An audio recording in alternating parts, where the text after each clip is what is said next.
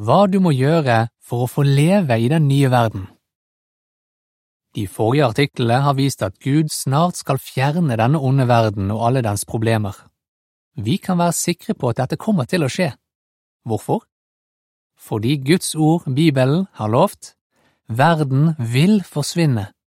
1. Johannes 2,17 Vi vet at noen vil overleve, for det samme bibelverset sier også den som gjør Guds vilje, vil få leve evig. For å få overleve må vi altså gjøre Guds vilje, og for å finne ut hva Guds vilje er, må vi først bli kjent med ham. Vi må lære Gud å kjenne for å få overleve enden. Jesus sa, dette fører til evig liv, at de lærer deg å kjenne, den eneste sanne Gud. Johannes 17,3 For å overleve enden og få evig liv må vi lære Gud å kjenne. Det innebærer mye mer enn å bare tro at Gud finnes, eller vite noen få ting om ham. Han må bli vår venn. For at et vennskap skal bli godt og nært, må man bruke tid på det. Det samme gjelder vennskapet med Gud.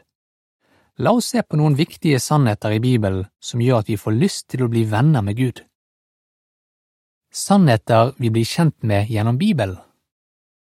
Vi får vite at Guds hensikt var at vi skulle leve i et paradis. Han skapte de første menneskene, Adam og Eva, og lot dem få bo på et vakkert sted som ble kalt Edens hage. De var fullkomne, og Gud hadde sørget for at de hadde alt de trengte for å leve et lykkelig liv. De kunne ha fått leve evig. Hvis de hadde fortsatt å være venner med Gud, ville de aldri ha dødd. Men de valgte å være ulydige mot en enkel befaling som Gud hadde gitt dem.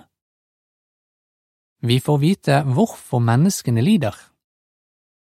Ved å være ulydig mot Gud mistet det første mennesket, Adam, muligheten til å leve evig, og det gikk også ut over alle andre mennesker. Bibelen forklarer synden kom inn i verden ved ett menneske, og ved synden kom døden, og døden spredte seg til alle mennesker. Romane 5,12 Akkurat som man kan arve en sykdom fra foreldrene sine, arvet alle Adams etterkommere ufullkommenhet fra ham. Det er derfor vi blir gamle og dør. Vi får vite hva Gud allerede har gjort for å hjelpe oss.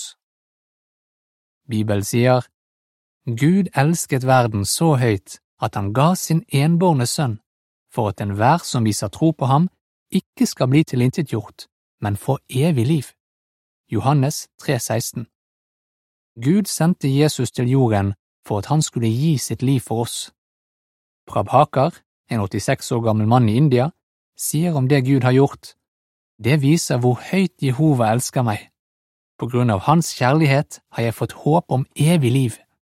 Fotnote Jehova er Guds navn ifølge Bibelen. Artikkel fortsetter. Vi får vite hvordan vi kan vise takknemlighet for det Gud har gjort for oss. Bibelen sier at vi kan vise at vi er takknemlige for det Gud har gjort for oss, ved å holde Hans bud.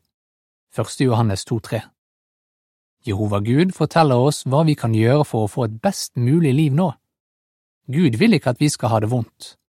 Han lover at hvis vi er lydige mot ham, vil vi ikke bare få et godt liv nå, men også få muligheten til å leve evig. Les Guds ord, Bibelen, hver dag. Vi spiser mat hver dag for å holde oss i live, men Jesus sa, mennesket skal ikke bare leve av brød, men av hvert ord som kommer fra Jehovas munn. Matteus 4,4 I dag finner vi Jehovas ord i Bibelen. Når vi studerer Bibelen, får vi lære om hva Gud har gjort i fortiden, hva han gjør nå, og hva han skal gjøre i framtiden. Be til Gud om hjelp hva kan du gjøre hvis du egentlig ønsker å være lydig mot Gud, men synes det er vanskelig å slutte å gjøre noe som han sier er galt? Da kan det være til stor hjelp at du kjenner Gud godt. Tenk over det en kvinne som vi kan kalle Sakura forteller. Hun levde ikke etter Bibels moralnormer når det gjelder sex.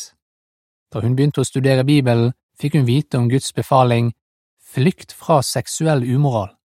Første Korinter 6,18 Sakura ba til Gud om styrke og klarte å slutte med den gale måten å leve på. Men det kan fortsatt være en kamp å gjøre det som er rett. Hun sier, Hvis jeg begynner å tenke på sex, snakker jeg åpent med Jehova om det i bønn, for jeg vet at jeg trenger hans hjelp til å bli kvitt slike tanker. Bønn har virkelig hjulpet meg til å få et nært forhold til Jehova. I likhet med Sakura er det millioner som blir bedre og bedre kjent med Gud. Han gir dem styrke til å klare å gjøre forandringer i livet og leve på en måte som han liker. Jo bedre kjent du blir med Gud, jo nærere blir ditt vennskap med ham. Salme 25, 14. Du vil kunne få overleve og komme inn i Guds nye verden. Men hvordan blir det å leve i den nye verden? Det skal vi se på i den neste artikkelen. Artikkelen slutter her.